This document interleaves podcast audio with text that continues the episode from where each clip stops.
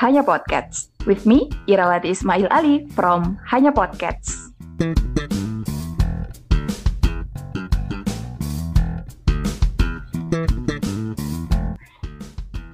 Dunia saat ini berubah sangat cepat. Industri yang pesat tentunya membutuhkan skill untuk kita mampu bertahan, berkelanjutan, dan growth tentunya di dalamnya. Salah satu skill yang dibutuhkan adalah skill berwirausaha. So, pada segmen ngobrol bareng kali ini, kita sudah kedatangan teman ngobrol yang super spesial. Sosok pemuda yang kemudian sudah terjun langsung di dunia bisnis sejauh ini. Dan sejauh ini, beliau sudah menjalankan tiga bisnis. Jadi ada tiga bisnis nih yang sudah digeluti oleh sosok pemuda ini. Yang pertama adalah uh, bajusekolah.co.id, kemudian bordirbaju.com, dan beliau juga punya resto. Nama restonya itu Ayam Madu dan Bebek Empuk Bang Ali. So, beliau adalah Ahmad Ali Abu Bakar. Selamat datang di Hanya Podcast. Iya.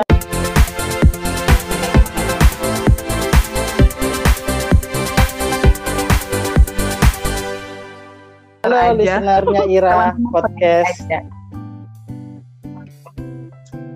Ya, uh, listener hanya podcast ya. Jadi hari ini teman-teman listeners, Kak Ali ini adalah uh, sosok pengusaha muda yang kemudian kita akan belajar nih, belajar bareng bareng beliau nih. Nah, Kak Ali, uh, saat ini kan industri sangat cepat berubah ya, apalagi mungkin saat ini uh, Indonesia dan seluruh dunia kemudian ada di posisi atau titik di mana uh, bisa dibilang krisis lah ya, karena mungkin bisa jadi penyebabnya adalah karena ada pandemi ini.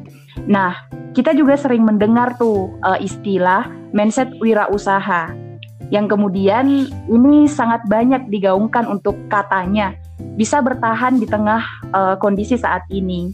Nah, menurut Kak Ali ini uh, gimana nih pemaknaan Kak Ali sendiri terkait mindset uh, berwirausaha itu sendiri atau mindset wirausaha lah? Kalau kita berbicara mindset, apa ya? Mindset itu pola pikir, Dik.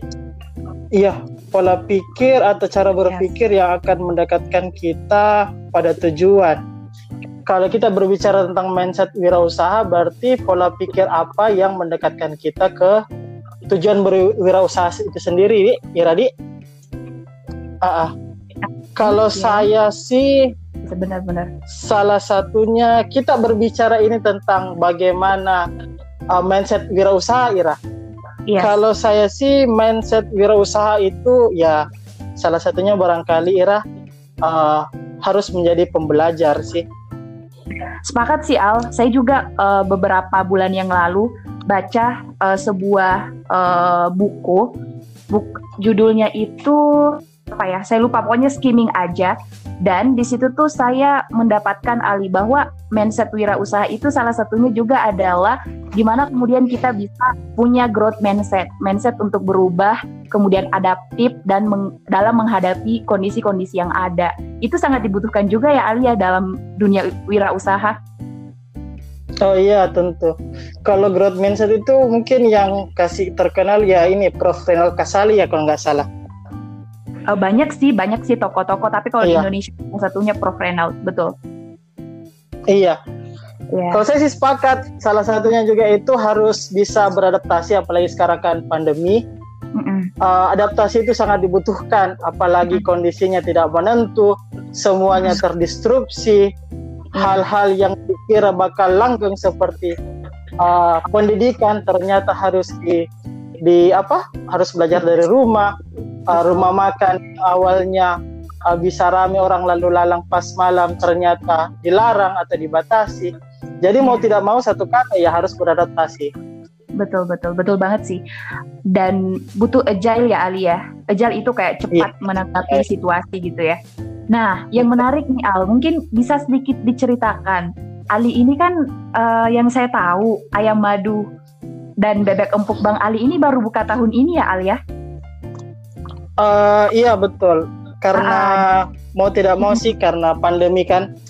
Iya, Ah, makanya terus? itu itu menarik banget sih menurutku. Sangat tinggi keberaniannya kalau aku bilang buka rumah makan gitu ya atau ya rumah makan lah ya resto di tengah pandemi yang seperti ini yang kemudian mungkin Ali sendiri tadi mengatakan uh, apa ya bahwa uh, contoh misal di restoran gitu orang bisa datang makan okay. dan sekarang terbatas gitu. Nah, itu itu pertimbangannya gimana Al? Mungkin ini bisa jadi uh, referensi teman-teman di uh, sana kalau gitu. misalnya uh, kalau misalnya Ira bilang itu sebuah resiko, saya sih sebenarnya menganggap salah satu buka restoran rumah makan ini sebagai salah satu solusi. Soalnya kan uh, core, iya betul. Core bisnis saya kan sebenarnya ini, Ira. Saya retail di perlengkapan seragam sekolah, yang mana pangsa pasarnya itu anak sekolah. Yang kita tahu sekarang kan sekolah sedang oh. libur, bukan libur sih, tidak ada ini, tidak ada orang bersekolah di sekolah. Ya sekolahnya di rumah. Betul uh, betul. otomatis ya otomatis kan dari segi omset dari segi peluang bisnis atau dari segi industrinya itu pun sendiri uh, susah diharapkan okay. jadi iya jadi kita amati secara industrinya perlengkapan sekolah ini bisa dibilang tidak bisa diharapkan begitu. Kita okay. mau menunggu awal-awal pandemi yang dikira awalnya dua minggu ternyata bukan dua minggu ya. Dua minggu lagi ya hampir iya uh, sudah hampir setahun. Jadi kemarin waktu mungkin dibilang di bulan-bulan tujuh pada saat uh, penerimaan uh, apa siswa baru P, apa hmm. ya penerimaan yeah. siswa baru lah itu kan yeah. kita dapat uh, suntikan dana bukan setika dana sih sebenarnya kita dapat penjualan karena kan ini musiman otomatis kalau orang sekolah anak-anak yang baru masuk jenjang selanjutnya misalnya kayak uh, orang ya? baru masuk SD iya betul baru betul. masuk SD baru masuk SMP baru masuk SMA otomatis kan pasti beli baju baru minimal satu lah untuk dipakai untuk betul. school from home kan otomatis kan di situ kita punya dana punya dana okay. punya cash dari hasil penjualannya. Yang mana sebenarnya pada saat bulan Juli itu setelah bulan Juli kita putar kembali dananya untuk menjadikan ke barang lagi yaitu kita produksi seragam sekolah. Nah, kondisinya kan kemarin begitu kan? Iya, iya, iya. Dan dan kita pikir kalau kita mengharapkan mau sekolah dan kita mau putar lagi barang ini menjadi seragam sekolah lagi, kayaknya agak susah begitu diharapkan.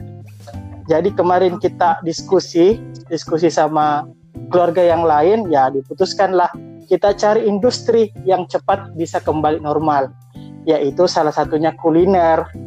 Kuliner, benar-benar. Iya begitu. Oh menarik banget nih Al. Pada saat Ali, uh, Ali membahas tentang ini, membahas tentang pengalamannya gimana shifting ya. Ada buku Prof. Renaldi Gasali yang membahas tentang shifting. Jadi kita harus berani gitu ya berubah dari satu industri ke industri yang lain gitu. Kalau misalkan kita yeah. lihat dari satu itu mulai meredup gitu ya Alia. Nah, betul, gimana cara kita bisa, bisa memaksimalkan peluang, memanfaatkan peluang untuk create new new revenue lah kalau kalau orang perusahaan iya, bilang. buka keran baru. Ya, buka keran baru bener-bener. Sama si Ali kayak misal uh, di tempatku ya sekarang kalau kita lihat gitu ya uh, legacy telepon atau SMS orang kan udah nggak pakai ya udah nggak hmm, pakai telepon iya, iya. pakai otomatis kita how to create uh, baru kalau istilahnya Ali jadi kita buat lagi nih seperti um, Maxstream mungkin ya kan? Langit musik dan lain-lain. Itu kan sebenarnya bukan bukan core bisnis kita lagi kan? Karena core bisnis iya. kita adalah uh, legend telepon dan telepon. SMS wow menarik.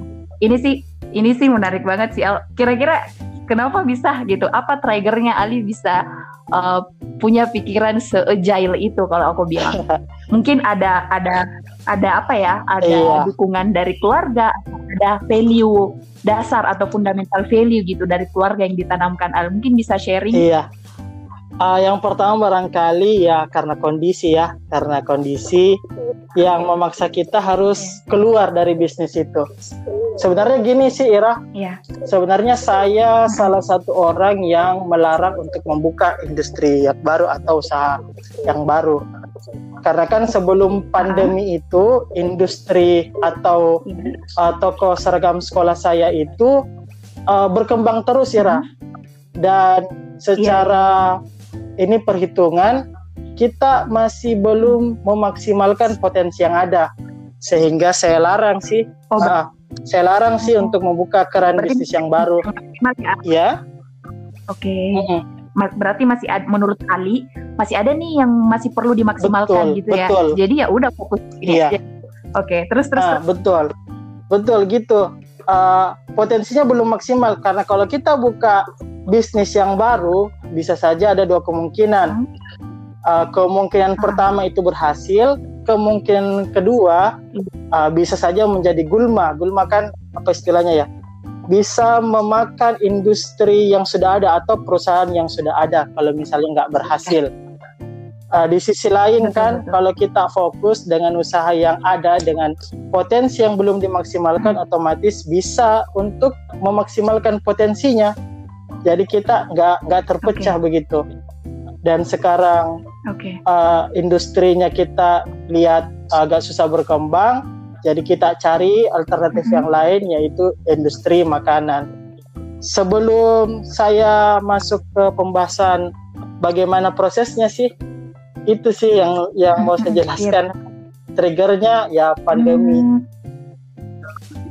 Menarik ya. Bahkan kalau aku kalau saya menyimpulkan ya Ali, pandemi ini salah satu hikmahnya itu adalah orang semakin kreatif. Ya iya, betul sekali Ira. Makin kreatif. Kayak Iya benar, makin mampu memanfaatkan peluang, orang yang awalnya nggak bisa jualan jadi jago jualan gitu ya Lia. Iya, keadaan memaksa kita semuanya. Benar-benar luar biasa. Nah, uh, mungkin agak sedikit uh, teoritikal dulu nih Ali, pertanyaan saya gitu. Waktu dulu kan, oh jadi teman-teman listener, Ali ini adalah teman kuliah saya dulu di kampus uh, mungkin saya belum memperkenalkan itu. Kita satu jurusan di manajemen Fakultas Ekonomi dan Bisnis Universitas Hasanuddin. Uh, Iya seperti itu.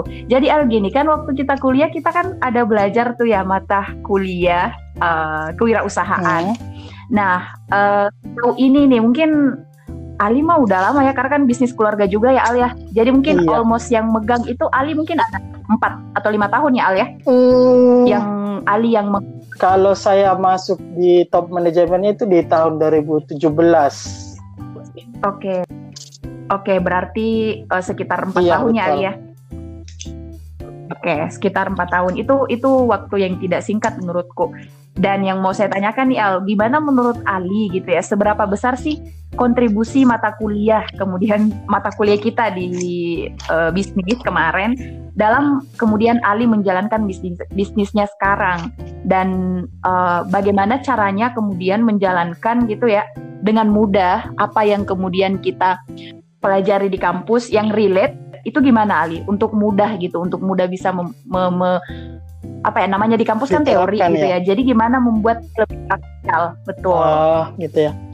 Ya berapa besar dulu Al? Seberapa besar sih kontribusinya dan yang kedua gimana agar mudah lebih praktikal gitu? Oh, kalau kontribusinya sih saya pikir saya belum bisa kasih tahu ya soalnya saya nggak pernah ukur. Kalau ditanya okay, tentang okay, okay. apa pengaruhnya barangkali ada. Cuman saya menganggap okay. uh, eh, mata kuliah di kewirausahaan itu uh, hanya sebatas sebagai pengenalan saja atau pintu gerbang untuk para mahasiswa mengenal istilah-istilah yang ada dalam bisnis. Misal kayak di okay. fungsi bisnis kan ada yang namanya operasional, ada yang namanya SDM, yeah. ada yang namanya keuangan, ada yang namanya pemasaran. Begitu sih. Terus soal bagaimana okay. untuk uh, apa cara menerapkan ya?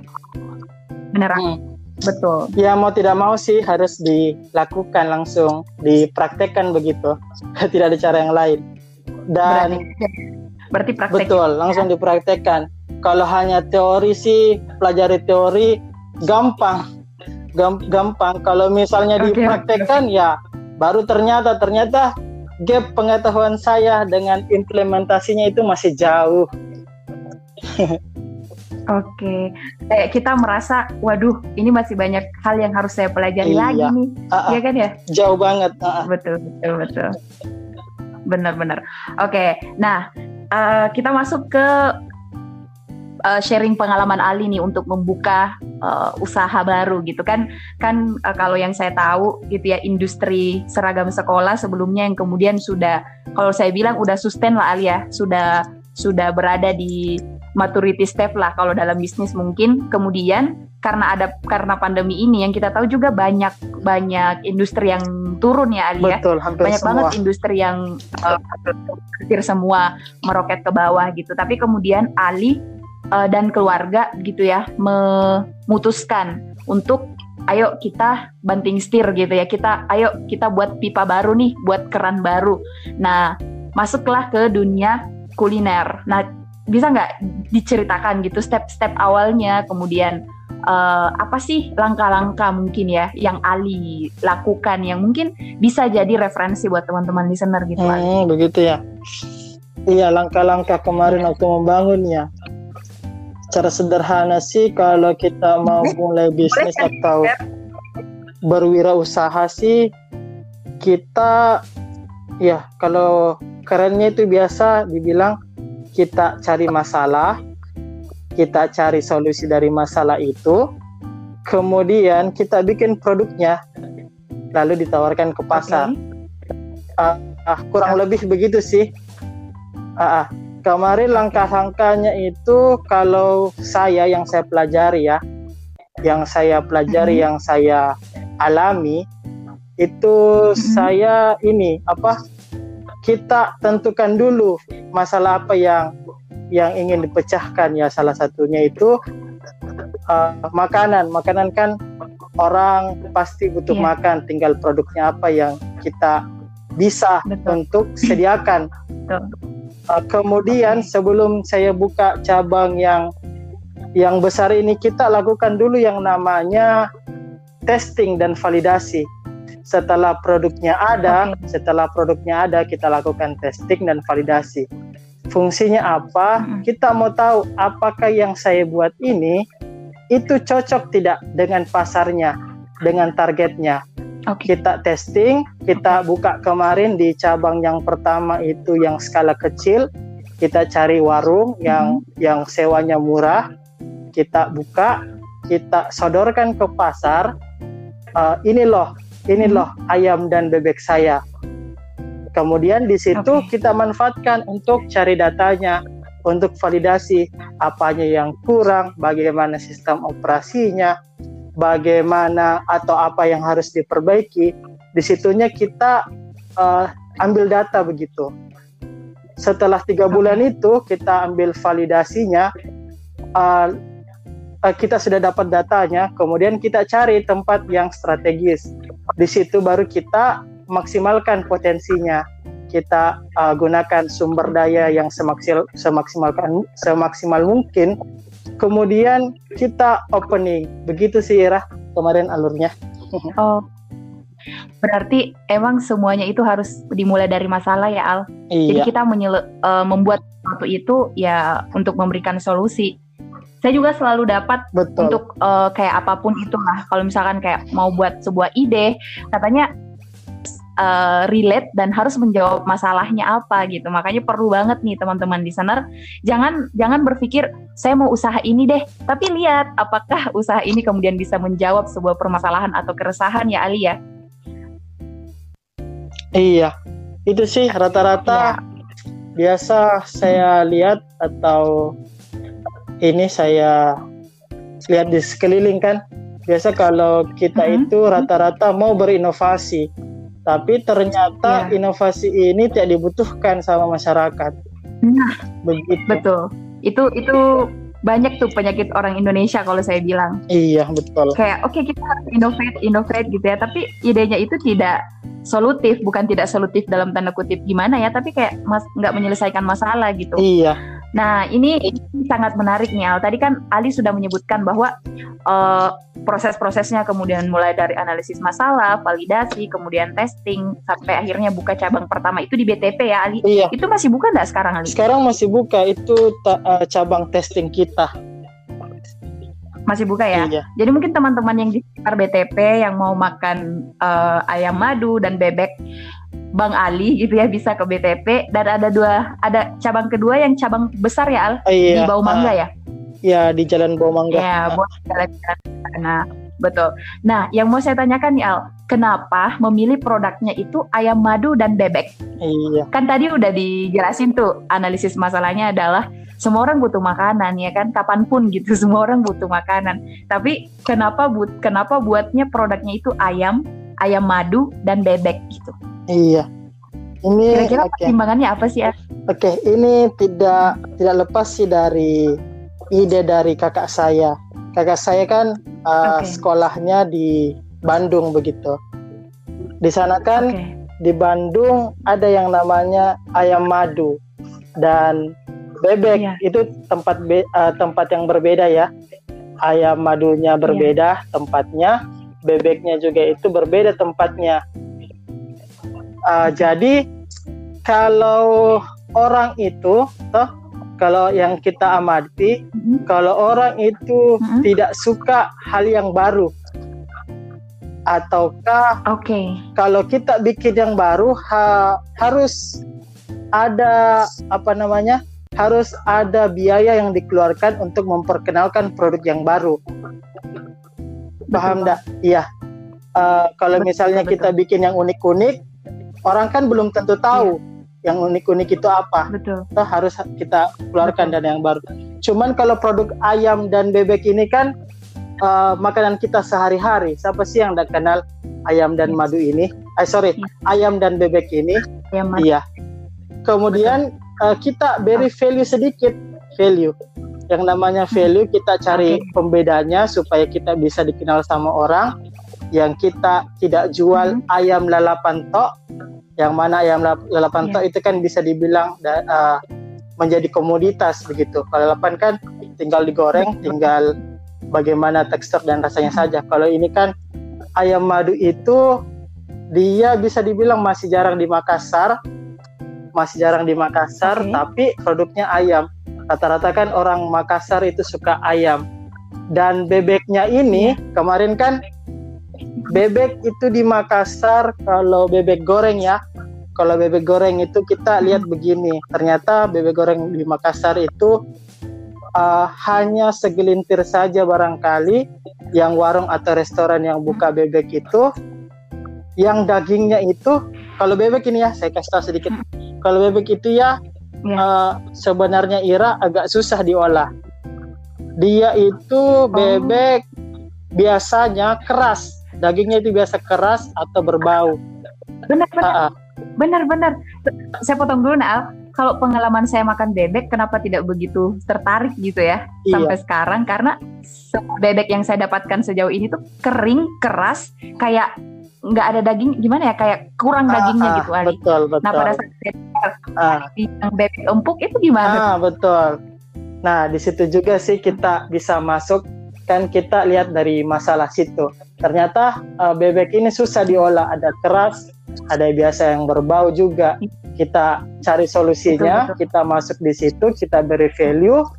Ternyata setelah Hmm. bereksperimen, uh, saya uh, kasih tahu sedikit, kita eksperimennya itu Hmm. kalau tidak salah sih dari bulan puasa ya, dari bulan puasa dari bulan bulan iya tahun lalu puasa. bulan 4 ah, Oh, bulan Ah, empat ya benar. dan launchingnya itu bulan 9 pada saat cabang pertama ini.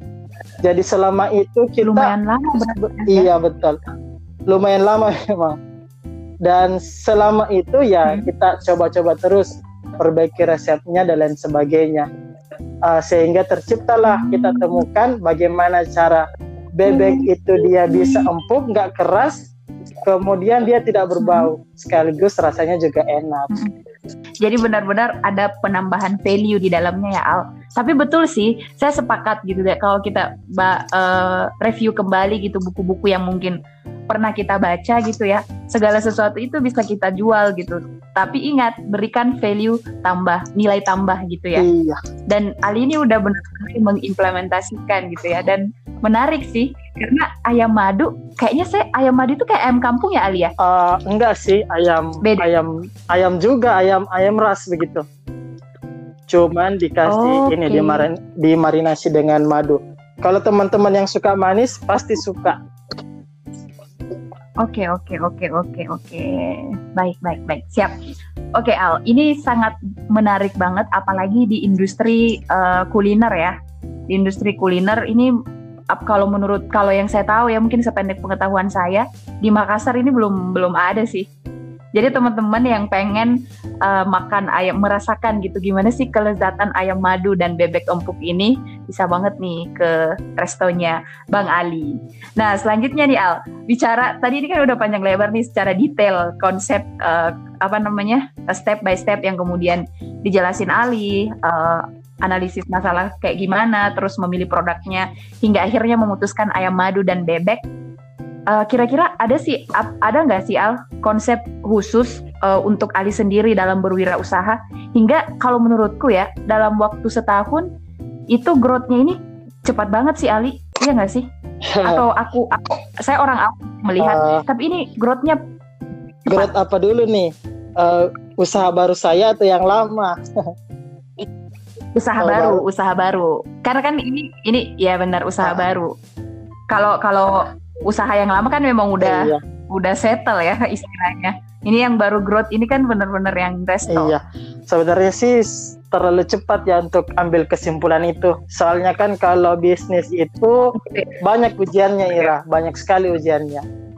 Uh, kita mau lihat hmm. dari enam ujian dari tiga bulan pertama, lanjut ke enam bulan pertama, satu bulan eh satu tahun pertama, kedua, kelima dan oh. seterusnya masih masih panjang. Hmm. Kalau mulai bisnis itu uh, apa?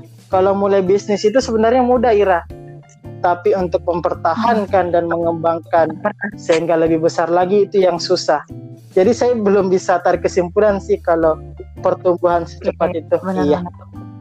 Ada tidak konsep uh, yang sama gitu yang Ali terapkan secara pribadi ya uh, konsep berbisnisnya iya. antara menuju sekolah uh, bisnis yang lama dengan bisnis yang baru ini. Oh iya. Kira-kira ada nggak? Kalau konsepnya itu begini Ira, kalau konsepnya itu kita membuat produk kan begini, ada sebenarnya dua konsep yang biasa diterapkan atau dalam teori. Ada yang namanya produk centric, yeah. ada juga yang namanya customer centric.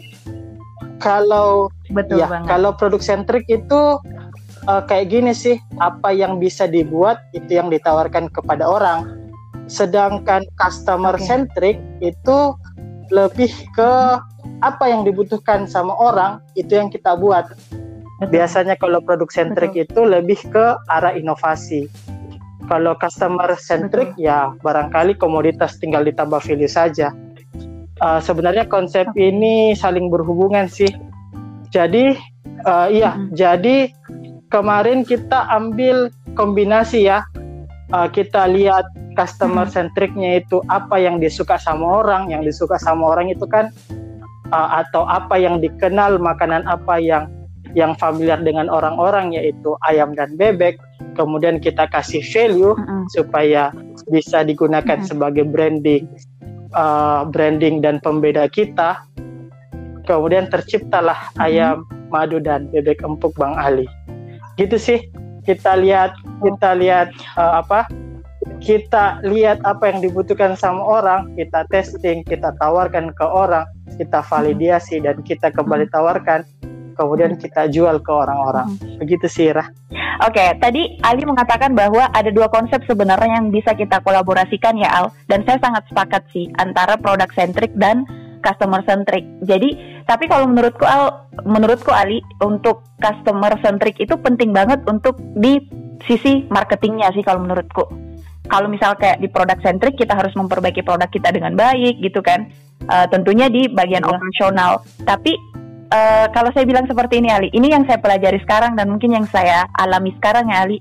Di tempatku sekarang itu ya namanya kan kita juga pasti punya produk kan. Kita juga punya produk, kita juga menjual, kita juga ada layanan gitu kan.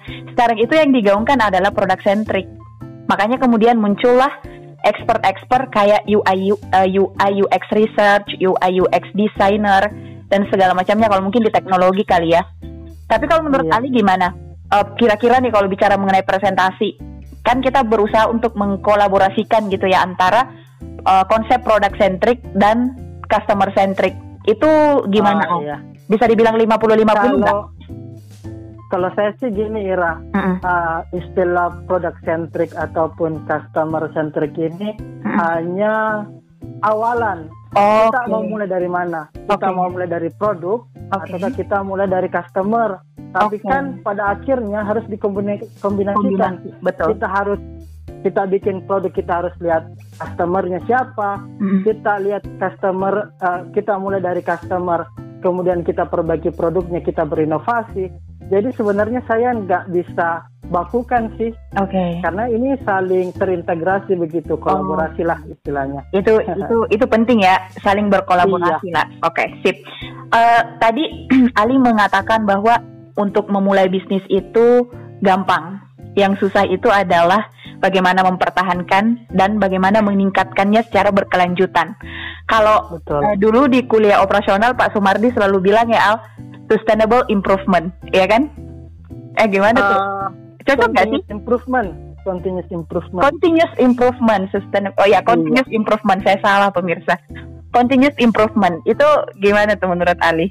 Butuh kiat Iya. kiat tersendiri enggak sih buat buat apalagi ini kan atau begini Al Ali kan sekarang udah setahun nih menjalankan usaha barunya Eh, jurus-jurus yang kemudian akan Ali lakukan di dalam waktu dekat supaya bisa tetap eh, berkembang secara berkelanjutan itu gimana nih udah ada gambaran apa gimana Uh, ini kan bisnis baru kurang lebih empat bulan lah kalau Iya. dihitung di cabang pertama. Iya.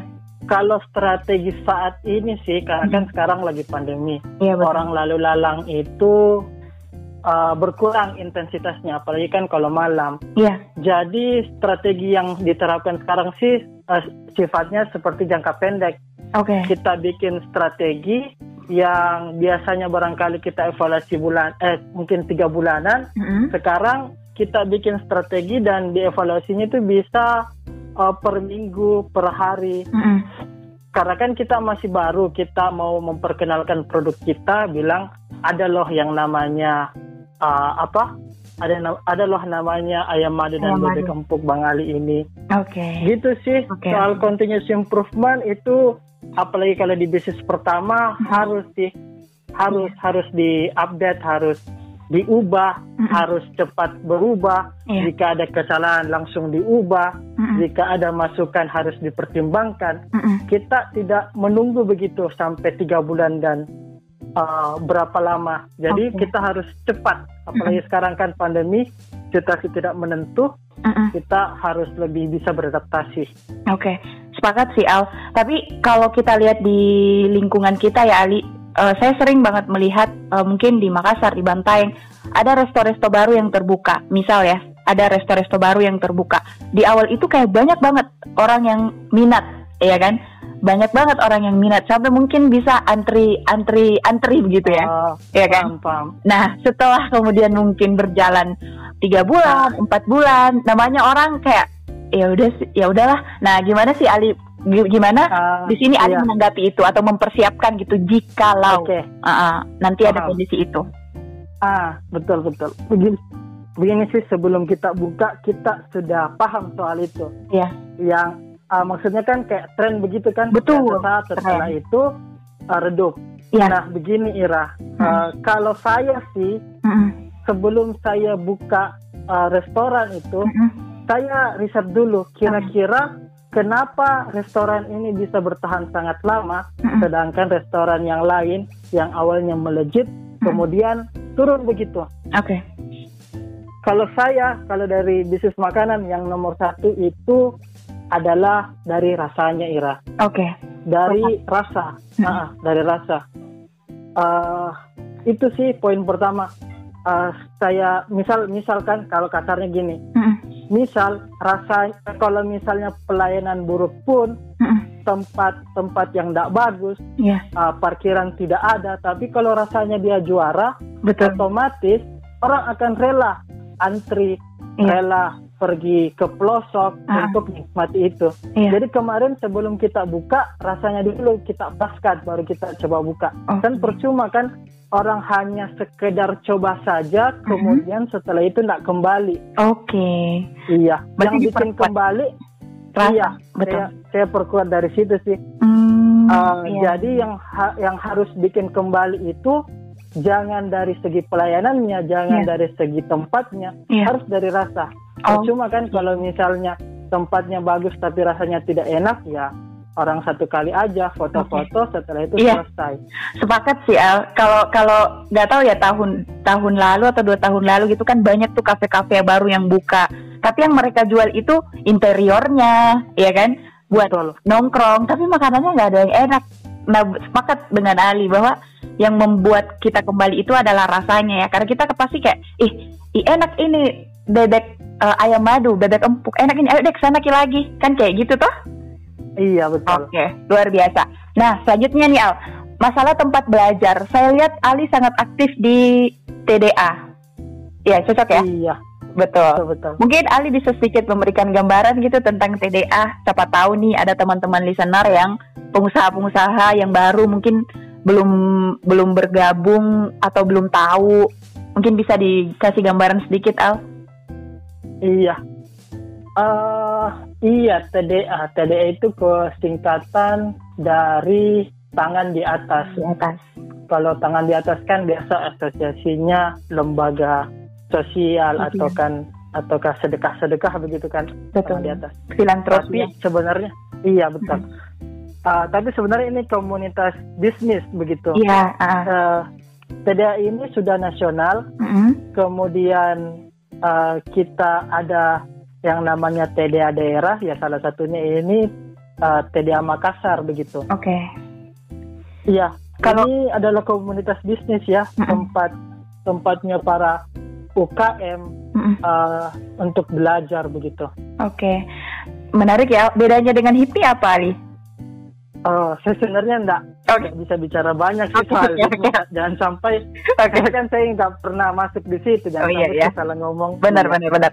Atau gini deh, menurut Ali seberapa penting sih eh, komunitas gitu kan?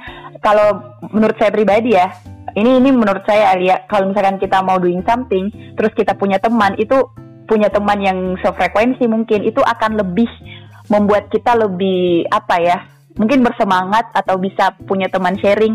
Nah, menurut Ali, apakah Nah, nah, di komunitas untuk usaha apalagi ya eh, butuh seperti itu atau mungkin kita bisa mengenali kompetitor kita di situ atau seperti apa? Nah itu poinnya Ira sebenarnya. Oke, Kalau saya sih komunitas ya, ini kan komunitas, Komunitas. media. betul. Sebenarnya kalau kita bicara tentang komodit, komunitas itu Mhm. tidak begitu penting.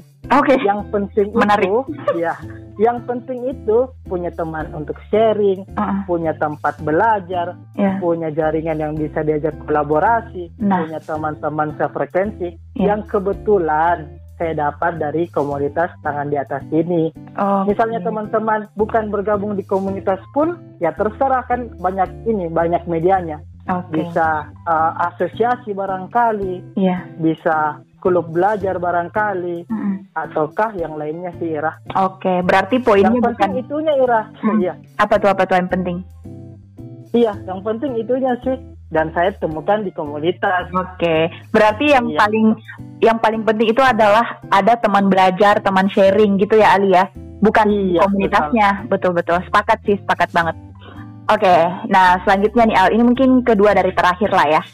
Eh, sejauh ini kemudian mungkin 2017 Ali kemudian masuk ke top manajemen usaha keluarganya, terus sekarang ada eh, shifting ya atau switch ke enggak switch sih, yang lama kan tetap ada ya existing bisnis yang lama, terus bu- Iya. buka eh, bisnis baru gitu. Nah apa sih tantangan besar kemudian yang pernah mungkin dialami oleh Ali selama menjalankan bisnisnya? Apalagi kan sekarang mungkin posisinya bersama kakak-kakak dan adik ya mengelola full bisnis keluarganya dan em, bagaimana gitu Ali secara pribadi deal with this gitu khususnya mungkin eh, tantangan-tantangannya untuk masuk ke industri kuliner saat ini Ali Iya. Mungkin saya berbicara tentang yang sudah eksis ya, yang Iya. kemarin di ini, uh, yang sudah sudah cukup lama juga sih. betul Saya masuk di top manajemen. Saya sudah masuk lama sih, cuman saya hanya kepala divisi begitu. oke Saya masuk di top manajemen yang mana artinya posisi saya, posisi saya sebagai direktur Ya. yang mana tugas tanggung jawab saya atau tugas saya sehari-hari itu masih mengerjakan fungsi-fungsi manajer begitu. Oke. Uh, di tahun 2017 setelah lulus uh, kuliah wisuda begitu. Mm-mm. Uh, tantangannya itu ini sih lebih ke transisi ke pemimpinan Nah, uh, dari orang tua ke Iya. ke saya sendiri. nah, Yang mana kepempi- kepemimpinan yang kemarin itu masih uh, sistemnya itu konvensional ya. yes, itu yang mau ku bilang. Oke. Betul. Maksudnya konvensional itu kan kita tahu kita yang buka sendiri, kita yang beli barang, Hmm. kita yang jaga toko, Mm-mm. kita yang tutup, Mm-mm. kita yang jaga kasir, Iya, gitu Ira. iya, iya. Dan tantangannya itu bagaimana saya yang saya pelajari di bangku kuliah itu bisa saya terapkan Oke. yang mana saya membuat suatu sistem yang mana sistem itu bisa bekerja secara otomatis. Oke. Itu sih tantangan terberatnya yang sampai sekarang pun, yang Ah. sampai sekarang pun masih saya perbaiki terus-menerus Betul, betul. gitu ya. Rah. Kemudian kan yang kedua ini, yang kedua kan sudah ditahu bilang uh, corona kan, Iya. pandemik Ah, ah. di bulan 4 kemarin, eh sorry di bulan 3 kemarin kita PSBB Mm-mm. uh, dan disuruh tutup, Mm-mm. uh, benar-benar tutup Iya, yang tidak ada operasi. iya. Uh, tantangannya itu bagaimana kan kita punya uh, karyawan ini kan kita punya uh, lumayan lah karyawan, Betul, betul. sedangkan operasi tutup. Ah. Kita kumpulkan semua orang, Mm-mm. kita sampaikan kondisi perusahaan bagaimana, Mm-mm. kita harus bergerak sama-sama, Mm-mm. semua divisi, semua jabatan itu harus bergerak menjadi sales. Oke. Kan Oke. kemarin tutup tuh, Iya, ya, benar-benar. jadi benar. semua semua sales, salesnya itu online, sama menjual produk yang bisa dijual. Oke. Uh, saya sampaikan di awal pandemi itu karena kita komunitas juga, komunitas juga Mm-mm. kita dapat penyampaian kalau kita tidak boleh diam di tempat begitu. Iya. Iya. Kemudian kita cari peluang-peluang. Mm-mm. Kita, saya bilang begini, uh, apa? Kita, ya kita bisa saja uh, mengutuk keadaan dan tidak melakukan apa pun dan Iya. semua orang bisa memaklumi itu. Iya. Misalkan kita kita cari alasan, kenapa omset tidak ada karena pandemi. Pandemi. Sudah, iya. Iya. Selesai sudah, Iya. Toh, nggak bisa dibantah. Betul. Tapi kan kita tidak mau begitu. Kita harus melakukan sesuatu. Iya. Kita harus cari peluang baru. Jadi kemarin caranya itu untuk uh, mendapatkan omset, Mm-mm. ya kita sedikit pivot. Oke. Kita kan punya kita kan punya ini uh, apa konveksi seragam sekolah. Iya. Uh, konveksi seragam sekolah kita alihkan untuk membuat APD, Oke. kemudian iya APD hazmat, face shield Iya. gitu ya. Oh, Iya, ya, betul. ya, ya, ya. hazmat Mm-mm, Uh, hazmat. kita cari caranya bagaimana supaya bisa dipakai oleh tenaga medis Tenaga kita medis. pada saat awal-awal. Iya. Kemudian kita bikin APD face shield Iya. yang iya face shield. Face shield Hmm, dulu face itu Mm. sangat inilah sangat sangat banyak lah yang terjual Hmm, oke. Uh, karena orang-orang pakai, tenaga medis pakai. Orang umum Jadi pakai. pada saat Mm-mm. iya orang Iya, umum, umum juga pakai. Iya. Jadi kita cari caranya bagaimana, kita cari contoh, kita coba meniru, Mm-mm. kita perbaharui sedikit agar lebih lebih apa, lebih bisa uh, dipakai sama orang-orang. Mm-mm. Kemudian kita jual lah dan semua harus menjadi sales Oke. tanpa terkecuali. Oke, yang Itu saya tangkap, yang saya tangkap sih Al, gimana caranya Ali deal dengan itu semua adalah kita harus tetap bergerak gitu ya Ali ya. Jadi Iya betul. gimana pun kondisinya, apa pun tantangannya, yang yang Ali sebutkan tadi itu sangat menarik ya tantangan kepemimpinan dan dan ini lumayan berat sih, apalagi gitu ya pe- kepemimpinan yang dulu. Kalau orang bilang kolonial, kemudian diganti kepemimpinannya menjadi lebih milenial itu tantangannya luar biasa. Tapi dengan alih doing, Mm-mm, dengan alih kemudian uh, memberikan mungkin insight ke teman-teman tim-timnya gitu, akhirnya mereka bisa bergerak gitu dan salah satu kesuksesan dari pemimpin menurutku adalah bisa mempengaruhi, bisa influence gitu untuk ayo semuanya kita jadi sales gitu untuk kita tetap bisa survive gitu ya Ali ya. Iya, betul. Oke, okay, luar biasa sekali. Nah, yang terakhir nih Ali, uh, kira-kira Ali ada pesan gak sih buat anak-anak muda kemudian yang ingin sekali uh, memulai bisnisnya atau yang sudah mulai bisnisnya tapi karena kondisi sekarang terus gagal. Nah, gimana untuk bisa uh, growing up lagi? Mungkin ada pesan dari Iya. Iya. Kalau ada pebisnis yang gagal terus uh -huh. dan terus gagal tapi uh -huh. tetap mencoba, berarti uh, mereka itu hebat sih. Okay. Ya karena kalau misalnya tidak pernah gagal, pasti ada dua kemungkinan.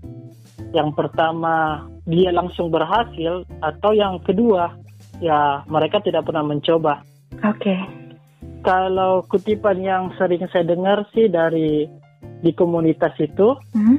uh, ini sih kata-katanya dan kalau saya cukup menginspirasi juga untuk terus mencoba. Hmm. Uh, ini kutipannya. Apa tuh? Uh, apa? Lebih baik menerima kegagalan daripada tidak melakukan apa pun. Maksudnya ini dalam okay. sekali sih buat saya.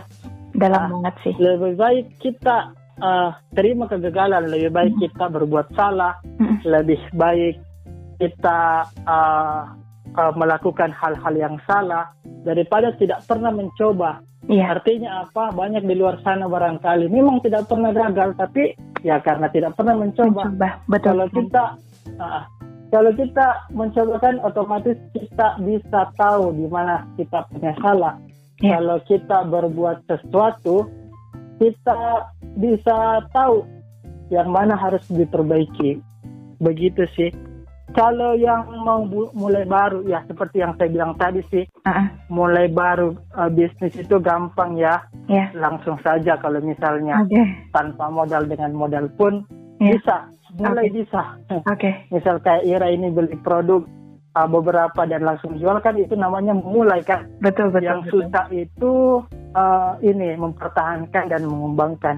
Iya. Uh, buat yang baru memulai ya pelan-pelan saja. Oke. Okay. Uh, ya kita kita cari produk yang kita mau jual, kita tes, kita validasi, kemudian kita jual kembali. Itu saja mulai dari yang kecil. Oke. Okay. Iya. Berarti kita Oke. Okay. Iya, berarti slow but sure ya Ali ya. Iya. Kerjakan satu-satu. Kerjakan satu-satu. Iya. Oke. Okay. Kalau kalau kita menjadi business owner, mm -mm. perbaharui uh, KSA kita. Mm -mm. KSA itu knowledge, skill dan attitude. Okay. Karena okay. iya. Karena perusahaan itu Ira tidak jauh sih dari kualitas ownernya. Oh iya. Kalau iya. perusahaan yang Fokus, bagus itu pasti pasti tidak jauh dari kualitas dari ownernya sendiri. Kita tingkatkan kualitas eh, SDM kita atau karyawan-karyawan kita karena perusahaan yang mau tumbuh, mau bertahan, mau berkembang itu pasti tidak bakal tumbuh, bertahan dan berkembang kalau misal kualitas SDM-nya itu begitu-begitu saja. Jadi penting juga sih untuk mengupgrade uh, SDM kita atau karyawan-karyawan kita. Iya, sepakat. Sepakat banget sih Ali. Karena yang paling utama menurutku kalau saya pribadi ya Al, uh, itu adalah SDM ya kan? Siapa yang mau bekerja gitu. Siapa yang mau memberikan kualitas terbaik kalau kualitas SDM kita saja buruk. Gitu kan Ali ya? Iya. Baik. Terima kasih banyak Ali. Berarti pesan di akhir ini sangat luar biasa teman-teman. Gimana kemudian kita bisa menerima kegagalan? Dengan menerima kegagalan artinya kita menerima untuk belajar lagi. Gitu ya Ali ya Iya, artinya kita sudah mencoba begitu. Betul, dan kita sudah mencoba. Lebih baik mencoba. Coba dulu lah gitu ya Ali ya. Luar biasa. Iya. Baik, terima kasih banyak Ali atas kesempatannya pada episode kali ini. Mau mampir di Hanya Podcast. Terima kasih banyak atas ilmunya yang sangat luar biasa. Semoga ini kemudian bisa menjadi trigger ya dan referensi semangat buat teman-teman, buat saya yang kemudian uh, mau memulai usaha dan tetap bisa mau belajar jadi pembelajar dan kita bisa uh, sama-sama growth di bidangnya kita masing-masing. Thank you so much Ali. Iya, sama-sama Ira.